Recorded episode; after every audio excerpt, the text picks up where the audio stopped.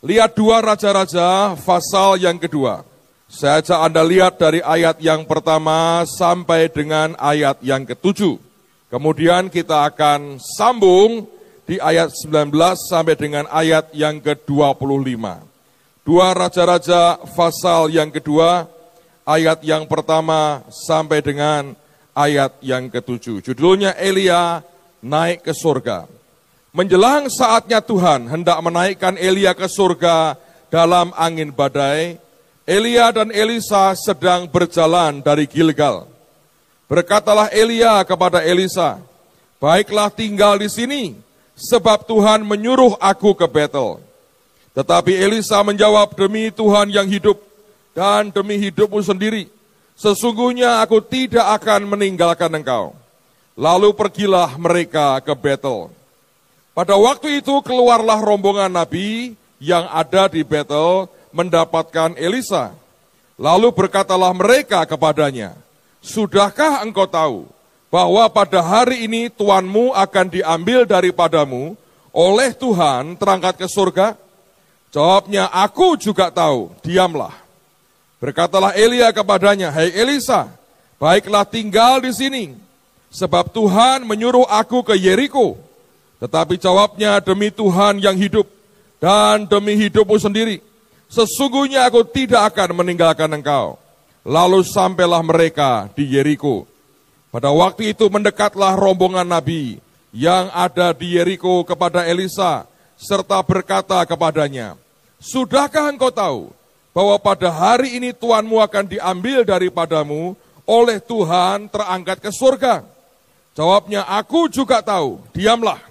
Berkatalah Elia kepadanya, Baiklah tinggal di sini, sebab Tuhan menyuruh aku ke sungai Yordan. Jawabnya, demi Tuhan yang hidup, dan demi hidupmu sendiri, sesungguhnya aku tidak akan meninggalkan engkau. Lalu berjalanlah keduanya. Lima puluh orang dari rombongan Nabi itu ikut berjalan, tetapi mereka berdiri memandang dari jauh ketika keduanya berdiri di tepi sungai Yordan. Kita lompat ke ayat yang ke-19. Judulnya Elisa menyehatkan air di Yeriko.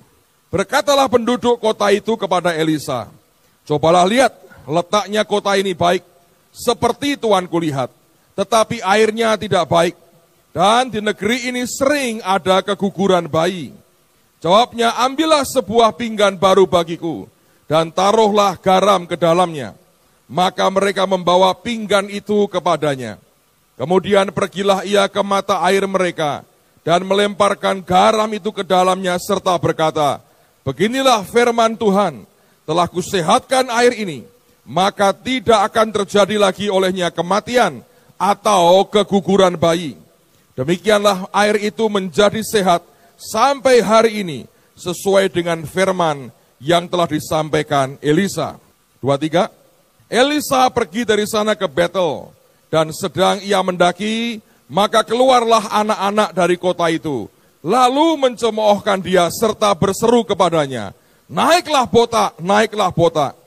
Lalu berpalinglah ia ke belakang, dan ketika ia melihat mereka, dikutuknyalah mereka demi nama Tuhan. Maka keluarlah dua ekor beruang dari hutan, lalu mencabik-cabik dari mereka empat puluh dua orang anak. Dari sana pergilah ia ke Gunung Karmel, dan dari sana pula kembalilah ia ke Samaria. Saudara cerita ini sebetulnya lebih menggambarkan kepada perjuangan seseorang untuk mencapai akan destininya.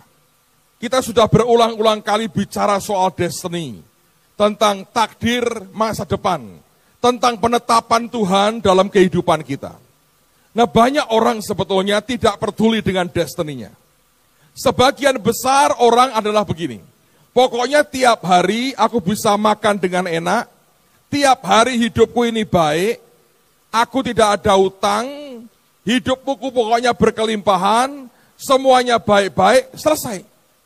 Tidak banyak orang yang betul-betul memikirkan, ini kelak nanti ujungnya hidupku seperti apa. Atau ketika dia nanti kelak bertemu dengan Tuhan, aku ini mau ngomong apa? Sebenarnya, menurut saya, tidak banyak orang yang memikirkan semacam itu dari hidupnya. Karena kebanyakan kita hanya berpikir begini. Yang penting ya, pokoknya sehari-hari hidupku ini beres, tidak ada masalah, semuanya baik, semuanya oke, cukup. Dan itu yang membuat sebetulnya banyak orang tidak mencapai panggilan yang sebenarnya dia harusnya dapatkan. Saudara, saya ini bagaimanapun pernah mengalami sebuah pengalaman di mana kehidupan ini harus bertanggung jawab di hadapan Tuhan. Dan ternyata ya, itu pengalaman cuma memberikan dua pilihan. Jadi pengalaman yang mengerikan sekali, atau kelak jadi sebuah pengalaman yang mulia sekali. Saya masih ingat tahun 97 atau 98 itu. Saya diundang ke Amerika, retreat, ngisi retreat sebuah gereja di sana. Kebetulan bersama dengan saya juga diundang Pak Yusak. Pada waktu itu kami naik pesawat sama-sama, dan beliau ngomong sama saya begini, belakangan saya tahu disuruh Tuhan. Dia berkata begini, kamu ini ya harus minta dipaksa sama Tuhan. Kalau Tuhan ya tidak kamu minta maksa hidupmu, kamu nggak akan mencapai garis akhir. Sampai detik itu sebetulnya, saya termasuk orang yang tidak terlalu peduli dengan yang namanya garis akhir. Buat saya begini, nanti kalau sudah mati itulah garis akhir. Ternyata bukan, saudara. Nah, saya ngomong begini dengan Pak Yusak. Ya, itu kan orang itu lain-lain. Kalau Pak Yusak kan wataknya keras, jadi harus dipaksa. Kalau saya ya kompromi aja baik-baik. Tuhan maunya apa, saya bisanya apa, kita runding ketemu di tengah, terbaiknya bagaimana dijalani. Dia ngomong gini, pokoknya wis tak kandani lo ya, katanya begitu. Terus dia diam, tidak ngomong apa-apa lagi, dia baca Alkitab, dia berdoa, dan saya tidur, saudara. Setelah sekian belas jam, kami tiba di LA, dan kemudian tidurnya pisah. Saya nginep di rumah Ketua Sinode kita, Pak Yusak diinapkan di sebuah penginapan di hotel. Saking capeknya ini, sampai di rumah Pak Adi, saya langsung tidur hilang, saudara. Tapi kira-kira jam 3, saya terbangun dengan ketakutan. Karena pada waktu itu saya mengalami sebuah pengalaman roh. Saya yakin sebetulnya bukan mimpi biasa. Karena begitu real sampai hari ini, masih kebayang sangat jelas. Kalau itu mimpi biasa mungkin tidak akan sejelas yang sampai hari ini membekas di hati saya. Dan saya sudah beberapa kali ceritakan ini kepada saudara. Malam ini Tuhan berkata, ceritakan lagi nak. Karena tidak semua orang mengalami pengalaman itu. Padahal kenyataannya kelak semua orang akan mengalami pengalaman seperti yang kamu alami. Saudara, saya sepertinya pada waktu itu sudah mati. Dan roh saya itu kembali ke surga. Saya masuk di satu ruangan. Dan di situ saya tahu sebetulnya waktu itu Ternyata itu artinya kepangkatan saya, levelnya itu masih rendah. Loh saya sudah pelayanan keliling Indonesia ke berbagai negara, gereja lagi berkembang-berkembangnya. Waktu itu gereja mulai mekar, mulai berkembang dengan luar biasa itu. Nah saudara pada waktu itu apa yang terjadi? Saya lagi masuk ke satu ruangan dan ruangan itu nggak ada apa-apanya. Cuma putih biasa. Makin hari saya makin mengerti Saudara nanti kelak tingkatanmu seperti apa, Anda itu bisa di surga tingkat keberapa ternyata. Dan itu tingkat kemuliaannya ternyata berbeda-beda. Kalau Anda pikir itu semua sama, pakai pakaian kayak kor-kor gereja itu kayak atau jubah baptisan putih-putih semua gitu ya. Sama sekali tidak. Nanti ada kaget, surga itu warna-warni. Nah kalau saya lihat Pak, itu orang pada pakai putih-putih, itu tingkat bawah tuh, putih-putih semua itu paduan suaranya mungkin atau apa saya nggak tahu. Pokoknya tiap tingkatan itu berbeda. Nanti kalau sudah makin tinggi ya, itu pakaiannya itu seperti jubah-jubah yang Anda lihat di gereja itu. Itu belum ada apa-apanya. Jauh lebih luar biasa. Nah, saya waktu itu masuk ruangan, nggak ada apa-apa. Ruangan polos putih biasa. Cukup gede, tapi hanya polos biasa. Dan saya lihat Tuhan Yesus berdiri di situ. Saya lihat Tuhan Yesus, saya senang sekali. Saya lari ke dia Saudara banyak orang itu GR. Ketemu Tuhan kita senang. Tuhan belum tentu senang saudara. Jadi jangan berpikir kalau ketemu Anda tuh dia langsung yeah gitu. Belum tentu ternyata saudara. Karena saya pernah ngalami. Saya lihat dia berdiri, saya lari ke arah Tuhan. Saya mau berlutut, saya mau nyembah dia. Dan tiba-tiba aneh. Bukan kayak digambar-gambar dia peluk saya itu, enggak saudara. Ketika lihat saya lari ke arah dia ya, Tuhan itu buang muka begini. Ketika dia buang muka seperti itu, seperti hilang nih perasaan saya, les hilang. Dan saya duduk, saya terduduk di bawah, mandang wajahnya tidak berani, dan tiba-tiba saya lihat sesuatu. Saudara, saya melihat, kalau saya gambarkan seperti dua garis jajar begini. Dan garis itu yang di atas adalah bahkan tiap detik dalam hidupmu di dunia ini, apa yang Tuhan sediakan dan Tuhan berikan buat kita. Anugerah, kesempatan, waktu, jiwa-jiwa, semualah yang Tuhan itu sediakan buat kita. Ternyata ya, tidak satu detik pun itu hilang yang namanya pemberian Tuhan buat kita. Nanti Anda akan tahu ya, jam detik ini saya cerita begini. Kalau Anda ketemu Tuhan itu, kalau Anda tetap gak beres, Anda akan ingat cerita saya ini. Tanpa Tuhan mengingatkan ya, itu tiba-tiba bisa ngerti bahwa engkau sudah diingatkan. Kemudian garis yang kedua di bawah, itu reaksi saya. Tuhan beri waktu buat saya untuk berdoa, nonton TV saya. Dia beri waktu untuk nginjil, guyonan. Ada waktu baca Alkitab, buka komputer berjam-jam. Harusnya saya belajar lebih baik, keluyuran. Ya kan? Harusnya saya doa puasa, mangan seakakai wedang ronde dan sebagainya. Itu ya kacau balau. Belum segala macam kenakalan yang lain. Itu detik per detik itu kemuncul dalam sekejap nih. Saya nggak mungkin cerita, karena itu gini, sekejap ya, Anda bisa langsung tahu kalau saya gambarkan nih, yang di atas itu kayak gigi yang sempurna nih. Rapi, putih, sempurna. Yang di bawah itu gigi ancur, saudara. Ada yang ngompong, ada yang meletot, ada yang hitam, ada yang keluar cacingnya. Pokoknya itu bawah itu kacau balau. Dan detik itu saya bisa ngerti. Ternyata saya nggak bisa menyelesaikan yang harusnya saya selesaikan. Begitu saya ngerti begitu, dengan pembanding kebaikan Tuhan nggak bisa ngomong. Anda boleh orang paling ngeyel sedunia, saudara. Nanti buktikan di depan Tuhan, ngeyelmu tidak ada gunanya. Nggak bisa keluar. Anda boleh orang ya, maaf nih, paling tidak tahu diri sekalipun. Di depan Tuhan akan tahu diri. Tenang aja, ada yang berkata, Pak suami saya itu Pak, tidak tahu diri, merasa paling hebat terus. Nanti di depan Tuhan, tidak ada yang seperti itu. Nah, begitu saya lihat begitu, itu ya yang di dalam saudara nyeselnya luar biasa. Nyesel. Saya pernah dengar cerita, Anda tahu orang bernama William Booth, rumah sakit mata itu pakai namanya dia tahu William Booth. Beliau ini saya pernah dengar cerita ya, pernah mati.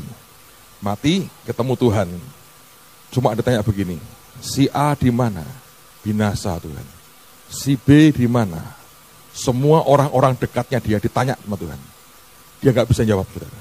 Dia nangis, dia ngomong Tuhan, kembalikan aku ke dunia. Aku akan bangun pasukan buat engkau. Dan Tuhan suruh dia balik. Dia hidup lagi. Dan dia bangun namanya Bala Keselamatan, Salvation Army. Itu orang seperti itu langka. Ngerti? Biasanya pulang ya bablas, saudara. Sudah nggak ada lagi. Mungkin karena tidak ada orang yang cukup beriman membangkitkan orang mati. TSOA baru membangkitkan kambing mati tahun ini. Tahun depan saya harap ada yang membangkitkan orang mati. So, saya mau berkata, pada waktu saya lihat itu ya, ini perasaan nyeselnya luar biasa. Dan karena nyesel, malu, sudahlah saudara, tahu diri. Saya ngomong begini Tuhan, aku tidak layak tinggal dengan engkau di surga. Biar aku ke neraka saja Tuhan. Untung dia nggak berkata gini, silahkan. Habis saudara. Atau dia berkata, Memang harus begitu. Selesai. Saya ngomong begitu. Tuhan gak jawab, saya terbangun. Ini ya keringat dingin keluar semua, saudara. Saya gemeter loh. Saya ke kamar mandi, saya nggak tahan. Di kamar mandi itu saya berlutut. Dan saya terngiang perkataannya Pak Yusuf. Kamu kalau nggak dipaksa, tidak bisa. Pagi itu jam 3 pagi saya berlutut di depan WC. Di kamar mandi. Saya bilang Tuhan, paksakan rencanamu dalam hidupku. Dan di situ sebuah perjalanan baru Tuhan beri buat hidup saya. Karena saya mau berkata, aku tidak mau mengulang lagi pengalaman yang tadi aku lewati. Yaitu ketika bertemu dengan engkau, didapati tidak menyelesaikan bagianku. Semua saudara, Tuhan itu punya rencana. Tuhan ingin semua kita selesaikan bagian kita. Mari minta supaya kita bisa tuntaskan apa yang seharusnya kita tuntaskan. Nah, Elisa menghadapi sebuah perjalanan yang sangat menentukan hari itu. Dan dia ternyata menghadapi tiga kelompok orang, tiga jenis orang mungkin lebih tepat, yang mencoba sadar tidak sadar, menghambat langkahnya untuk mencapai destininya. Nah sebentar saya mau bagi tiga jenis orang ini kepada saudara, dan saya berdoa supaya kita minta ke Tuhan, diberikan kewaspadaan supaya tidak membiarkan siapa pun atau keadaan seperti apa pun membuat kita terhambat untuk mencapai akan destiny kita. Jenis pertama diwakili oleh yang namanya Nabi Elia. Kalau Anda perhatikan ya ini aneh. Berkali-kali dia ngomong kepada Elisa, kamu tinggal di sini saja ya, Tuhan menyuruh aku ke Betel. Elisa nggak mau. Sampai di Betel ngomong lagi, kamu di sini aja ya, Tuhan suruh aku Yeriko.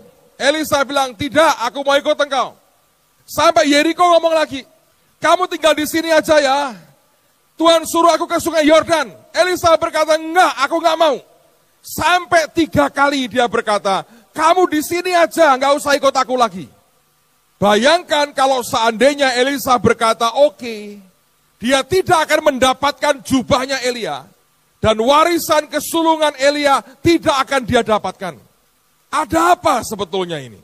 Saya bertahun-tahun bertanya dalam hati saya. Mengapa Elia mencoba menghentikan Elisa ikut dia? Saya mencoba menganalisa dari berbagai sudut pandang.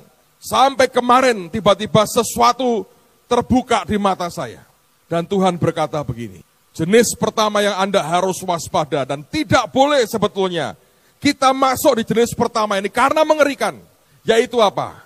Ketika Anda bertemu dengan orang Kristen, Anda bertemu dengan hamba Tuhan, anda bertemu dengan anak Tuhan yang sudah kehilangan mandat dan tidak tahu lagi tujuannya mau ke mana. Elia hari itu merupakan hari terakhirnya hidup di dunia. Dan dia disuruh Tuhan pergi dari kota ke kota. Tapi kalau Anda baca, tidak pernah jelas apa yang dia buat di Betel, apa yang dia buat di Yeriko, dan sebagainya. Artinya tidak ada hal yang penting sehingga ditulis oleh Alkitab apa yang dia kerjakan. Saudara Elia adalah orang yang sudah kehilangan mandat Tuhan dalam hidupnya. Dan ketika dia kehilangan mandat itu, dia tidak punya lagi mandat Tuhan. Dia tidak tahu apa yang harus dikerjakan. Dan berapa banyak hari ini kita melihat anak-anak Tuhan seperti itu. Bangun pagi dengan tidak pernah jelas apa yang Tuhan mau dia isi hidupnya dengan banyak kesibukan yang tidak ada gunanya. Tidak pernah jelas ke mana Tuhan akan bawa hidupnya. Tidak tahu lagi apa yang harus diperbuatnya. Dia mungkin menyalahkan si A, menyalahkan si B, tapi kenyataannya dia sampai di titik di mana dia tidak tahu lagi apa yang harus dikerjakannya. Saudara, orang seperti Elia adalah seperti nabi yang sudah kehilangan mandat tidak punya lagi visi, tidak pernah jelas lagi apa yang harus dikerjakannya. Maka biasanya yang akan kita dengar, orang itu akan berkata, ya kita sudah cukup baik. Sudah lumayan loh kita ini. Lebih baik dong dari yang lain. Bagaimanapun aku pernah mendatangkan api dari langit loh. Gini-gini gua nabi beneran loh. Aku nabi hebat loh. Aku bukan orang-orang yang sembarangan. Dan dia berkata, sudahlah, gak usah ngejar apa-apa lagi. Sudah cukup semuanya. Sudah luar biasa, ngucap syukur. Gak usah punya ambisi, gak usah kepengen yang lain-lain. Cukup dengan apa yang ada, ngucap syukur, selesai dengan semuanya. Saudara gereja, kalau mengalami seperti ini, menurut saya itu gereja mengerikan sekali. Gereja yang tidak pernah mengerti akan hati Tuhan, Ketika tiap kali dia bangun pagi, Gereja tidak tahu ke mana Tuhan akan membawa kita. Apa yang bakal terjadi 5-6 tahun dari sekarang, gereja tidak tahu. Maka kita akan penuh dengan segala macam kegiatan yang hanya supaya kita seperti sebuah gereja pada umumnya. Tapi sesungguhnya kita kehilangan mandat dan kita kehilangan visi Tuhan. Kalau Anda bergaul dengan kelompok-kelompok seperti ini, engkau tidak akan dibawa ke mana-mana. Engkau akan dibuat puas dengan keadaanmu pada hari ini. Dan begitu Anda adalah orang yang cepat puas diri, saudara akan berhenti dan tidak akan pernah mencapai destiny saudara. Saya mau berkata demi kasih Tuhan, mari kita singkirkan yang seperti ini. Kalau Anda mulai kehilangan ke mana Tuhan membawa saudara, Sungguh-sungguh cari Tuhan, kejar Tuhan, ingini hatinya, ingini pikirannya, supaya kita bisa tangkap dengan baik ke mana Tuhan akan membawa kehidupan kita. Karena makin hari saya perhatikan, makin banyak orang-orang yang tidak pernah jelas ke mana dia akan pergi.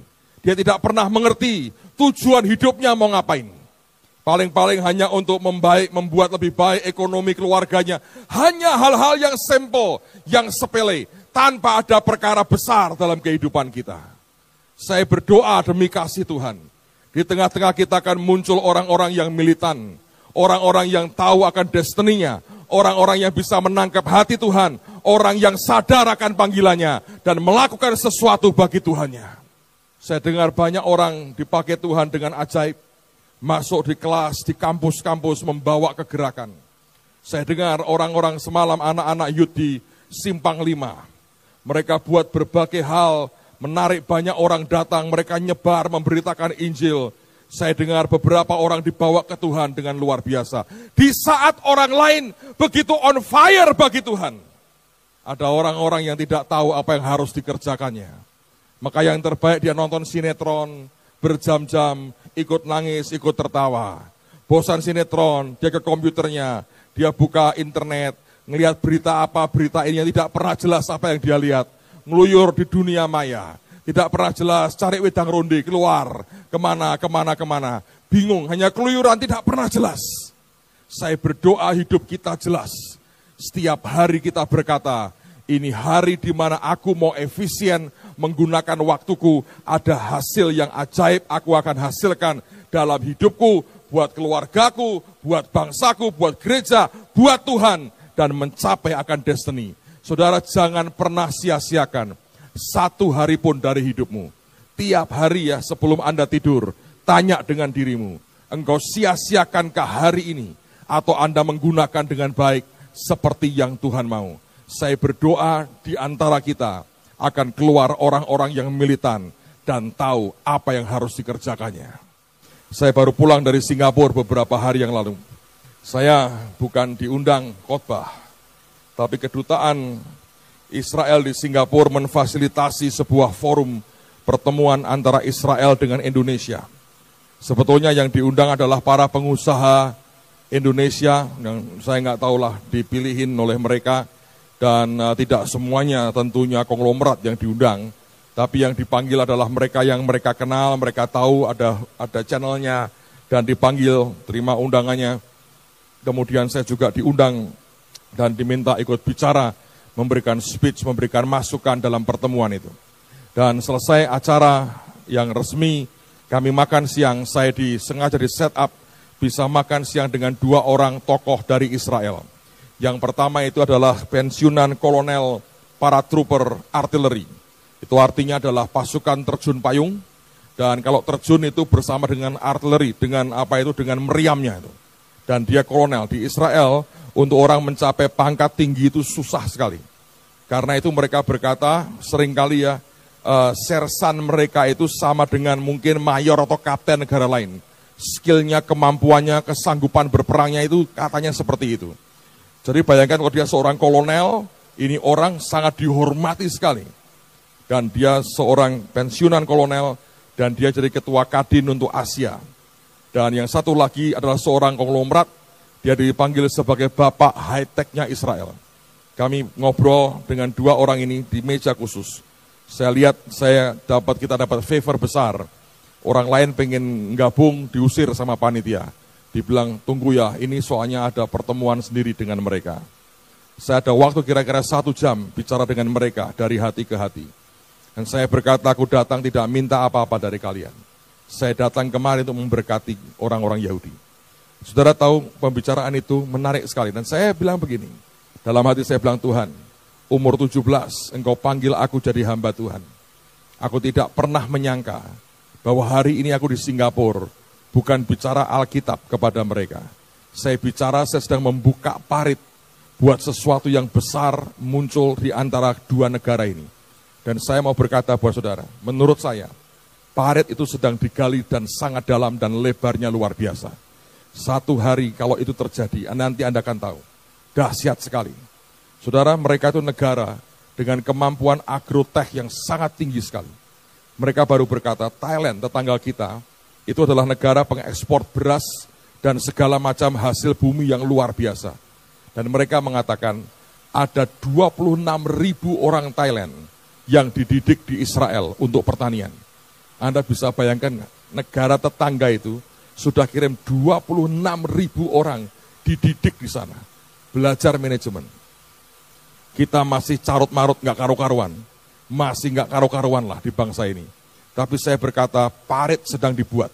Dan saya mau berkata buat saudara, buat saya, saya bilang Tuhan, aku abdikan hidupku habis buat engkau. Yang penting kau disukakan dan kita mencapai destiny kita. Saya tidak tahu ketika saya mungkin lagi bicara, berjuang di situ, ada orang lain sedang layeh-layeh di rumah, nonton TV, sinetron, ya, berkata cinta terbagi lima atau apa, saya nggak tahu. Dan itu semua yang omong kosong seperti itu yang masuk, dan menurut saya hidup yang saya jalani lebih bermutu daripada Anda penggemar sinetron seperti itu, saudara. Saya tidak tahu dengan hidup saudara, tapi saya mau semua kita punya kehidupan yang punya kualitas. Kalau kelak Anda pulang, orang akan berkata, dia jalani hidupnya dengan sangat baik. Dia punya sebuah quality of life yang luar biasa. Dia bukan orang yang hanya omong kosong hidupnya. Dia membuktikan Tuhannya disukakan selama hidupnya. Saudara, bukankah itu kehidupan yang mulia? Bukankah itu kehidupan yang sebetulnya Tuhan mau berikan buat semua kita? Ingat ya, hidup cuma satu kali. Mari kerjakan yang terbaik buat Tuhan. Percayalah, anugerahnya luar biasa. Saya yakin sebetulnya yang namanya blessing secara ekonomi itu bukan hal yang susah. Seorang hamba Tuhan berkata itu berkat paling gampang yang Tuhan mau berikan kepada anak-anaknya. Tapi hari ini kenyataannya itu berkat paling mumet, paling susah buat orang Kristen. Saya berkata ada yang salah sebetulnya. Mari kita berkata Tuhan, beri sesuatu yang kuat dalam hidupku. Supaya kita punya kehidupan yang berkualitas. Amen, saudara. Kelompok yang kedua, jenis yang kedua. Adalah jenis nabi yang di battle. Mereka berkata, tidakkah engkau tahu? Hari ini Tuhanmu akan diambil daripadamu terangkat ke surga? Apa yang dia mereka mau katakan sebetulnya? Dia ngomong, eh Elisa, kamu cuma jadi hambanya Elia. Sampai hari ini kamu tidak ada pengurapan kenabian sama sekali. Sedangkan hari ini Tuhanmu akan diambil. Maka sia-sia semua kesetiaanmu. Lu ngapain selama ini setia dengan Elia? Kamu korban begitu banyak. Mana ujungnya nggak terjadi apa-apa? Hari ini dia diangkat ke surga. Lu gigit jari lu, kamu nggak dapat apa-apa. Kami begini-begini golongan nabi. Saudara ada apa sebetulnya dengan nabi-nabi di battle? Menurut saya ada sebuah masalah besar. Kalau Anda baca tadi ceritanya, setelah Elisa kembali, dia menuju ke battle. Dari battle itu keluar, bukan anak-anak sebetulnya. Tapi entah berapa jumlahnya banyak anak-anak muda. Youth sebetulnya yang keluar, itu bukan anak-anak. Nah mereka mengolok-olok Elisa. Mereka berkata, naiklah botak, naiklah botak. Sebetulnya bukan cuma botaknya, saudara. Tapi menghinanya kepada seorang abdi Allah terlalu mengerikan. Dan kata naiklah, naiklah artinya begini. Lu ikutin dong kayak Elia, terangkat. Lu pergi aja dari sini. Sebuah penghinaan yang luar biasa. Dan kemudian Elisa berpaling, dikutuknya demi nama Tuhan dan tiba-tiba keluar dua beruang yang dibunuh beruang 42 anak. Dan mereka semua anak-anak muda, youth 42. Diperkirakan jumlah yang ngolok-ngolok Elisa lebih banyak dari itu. Sebagian mungkin berhasil kabur. Tapi minimal 42 orang-orang muda dicabik-cabik beruang dan mereka mati. Setelah saya pelajari saudara, ternyata di zaman itu Betel merupakan pusat penyembahan berhala. Betel merupakan pusat kegiatan orang-orang yang anti Allah Jehovah. Mereka nyembah berhala, mereka nyembah dewa-dewa, tidak takut akan Tuhan, dan diperkirakan orang-orang muda itu sebagian dididik jadi nabi-nabi mereka atau pengikut mereka yang setia. Bayangkan di kota Betel yang namanya Bait Allah malah menjadi pusat penyembahan berhala. Dan di sana ada sekelompok nabi. Dan nabi itu tidak berfungsi. Kenapa? Karena ternyata kelompok nabi di Betel tidak bisa memenangkan kota Betel. Kenyataannya sampai detik itu yang keluar malah orang-orang muda yang mengejek akan Nabi Tuhan. Lalu di mana fungsi nabi-nabi Betel waktu itu? Nggak ada. Dengan kata lain sebetulnya saya mau berkata, kelompok nabi di Betel itu bermasalah. Mereka tidak pernah menang dalam peperangan rohani. Mereka tidak bisa mengendalikan kota mereka. Dan kota mereka dikendalikan oleh penyembah-penyembah berhala. Saudara, ini persoalannya.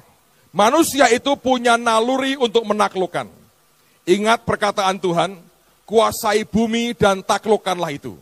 Maka sejak manusia lahir, manusia itu punya naluri untuk menaklukkan.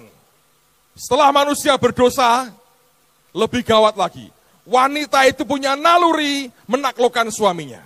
Dari mana Pak ayatnya? Alkitab berkata, kamu akan birahi kepada suamimu. Birahi itu bukan urusan seksual ternyata. Kata birahi artinya kamu itu akan lompat, akan menguasai, akan naik di atas suamimu. Tapi suamimu akan berkuasa atasmu. Makanya perang terus. Sebetulnya kalau konseling itu sederhana, saudara. Ya toh suami cintai istrimu kasihi, tapi istri tunduklah pada suami. Itu aja sederhana, tapi susah. Karena nalurinya, saya bukan nyalakan yang perempuan, saudara Sedikit mungkin karena saya laki-laki. Tapi kalau wanita memang nalurinya menaklukkan pria, suaminya. Saya dengar kemarin ada pembicaraan antara Pak Victor dan Pak Charlie. Dengan istri-istri mereka. Pokoknya dua istri ini sepakat dan sehati.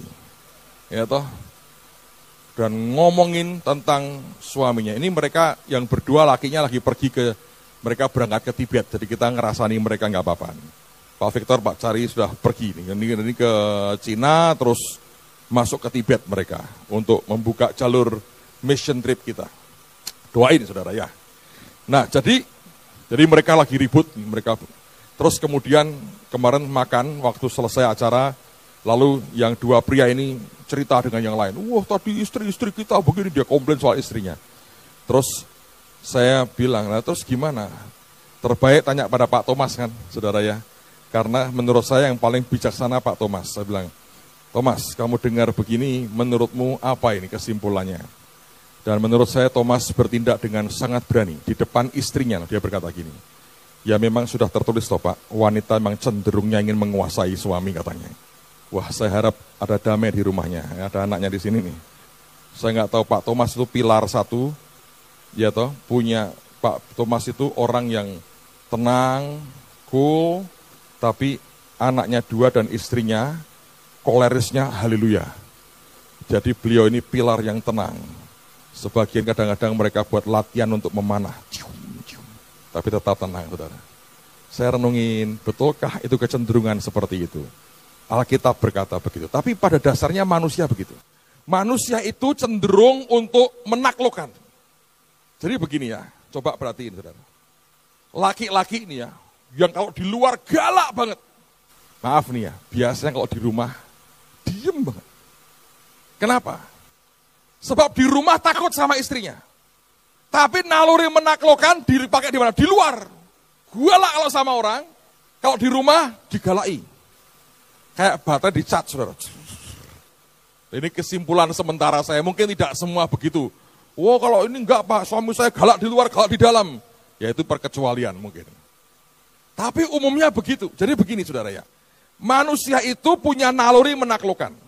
Kalau yang seharusnya ditaklukkan tidak bisa, ya seperti nabi-nabi ini, harusnya dia taklukkan para penyembah berhala.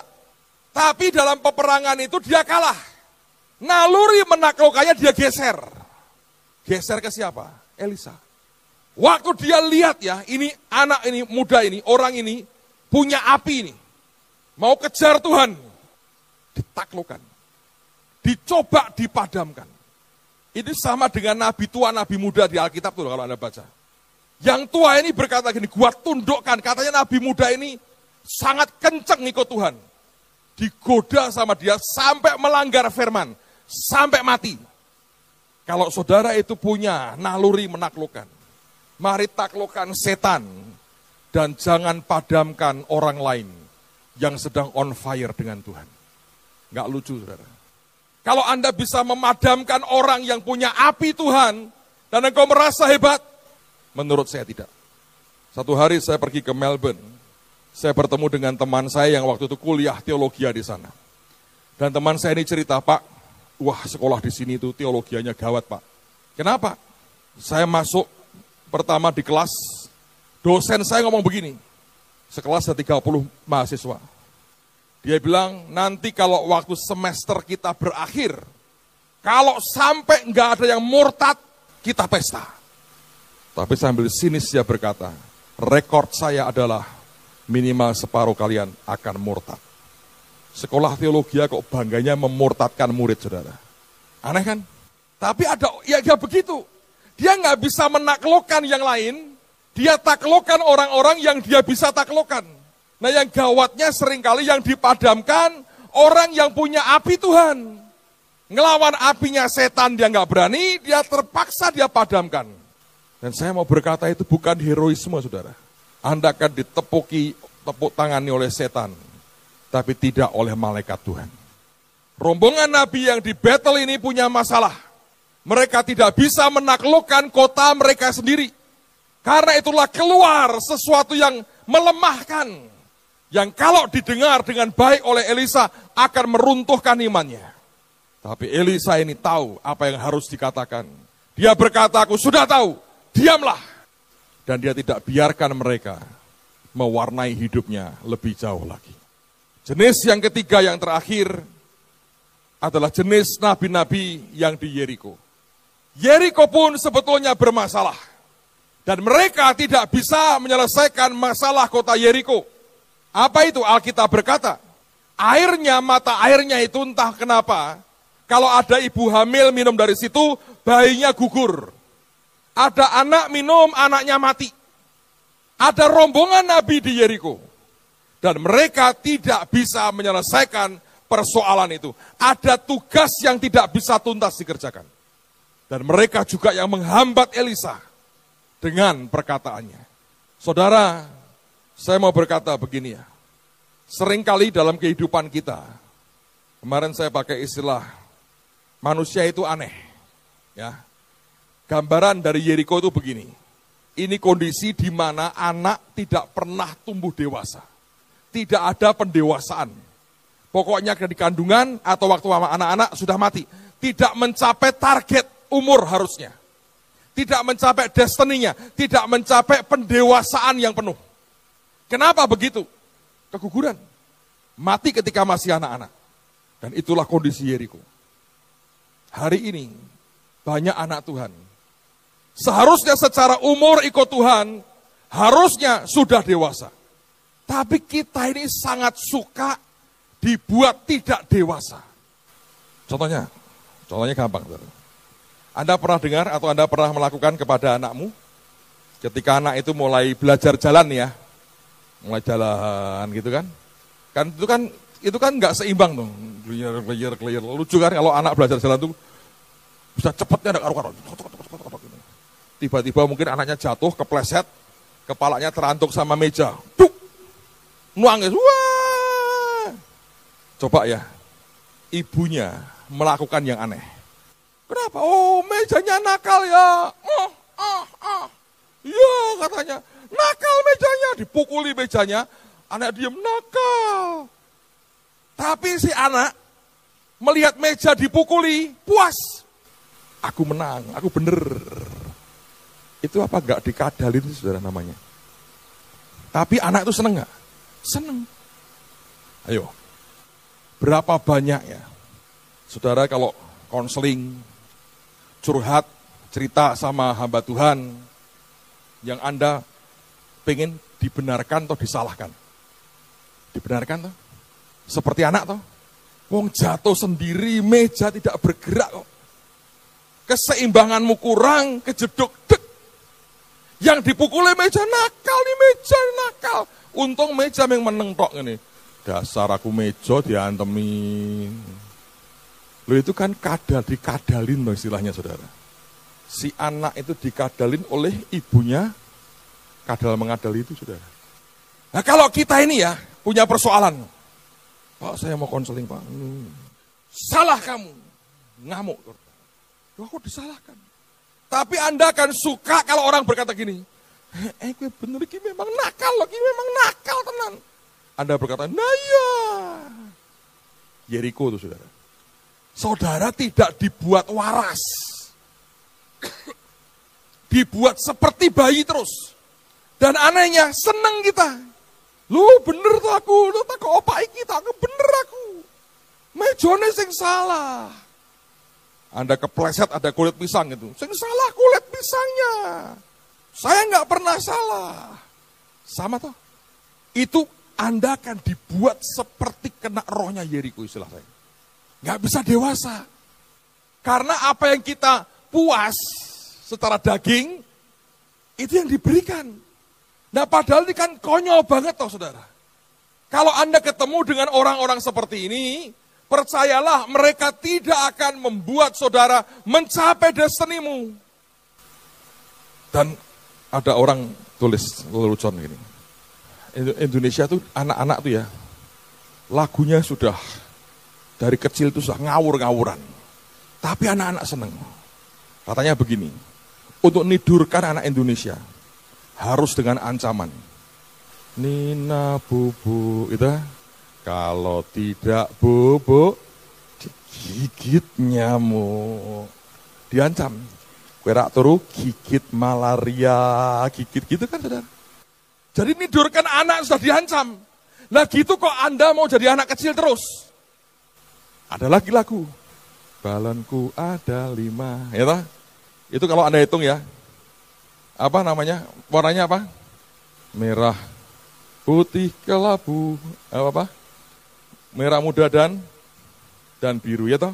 Tapi yang meletus balon apa? Hijau. Ora balon hijau kok iso ngaku-ngaku meletus balon hijau. Kan digoblok gitu. Tapi Anda kan seneng. Waktu TK kan ya toh. Dengan gaya begini-begini balonku. Ah, goblok nang nem balonmu. Lah meletus balon hijau. Balon tetangga itu. Yeriko kan. Tapi kan kau bangga banget. Dari kecil loh. Ada yang membuat saya agak bangga nih. Pelangi-pelangi Pelukismu agung siapa gerangan? Agung kok usah takon takon. Kok ada takon wis jelas kok. Sing gambar aku. Siapa gerangan? Ini orangnya takok barang. Nama tuh kalau sudah terlanjur baik itu haleluya saudara. Bener gak sih? Anda, anda ngerti gak? Nah itu Anda seneng kan? Awas ya TK terang bangsa nek ngajari balonku ada lima. Hitung dulu Bapak Ibu Guru. Nggak ada balon hijau. Nak meletus punya tetangga, tetap lima balonnya.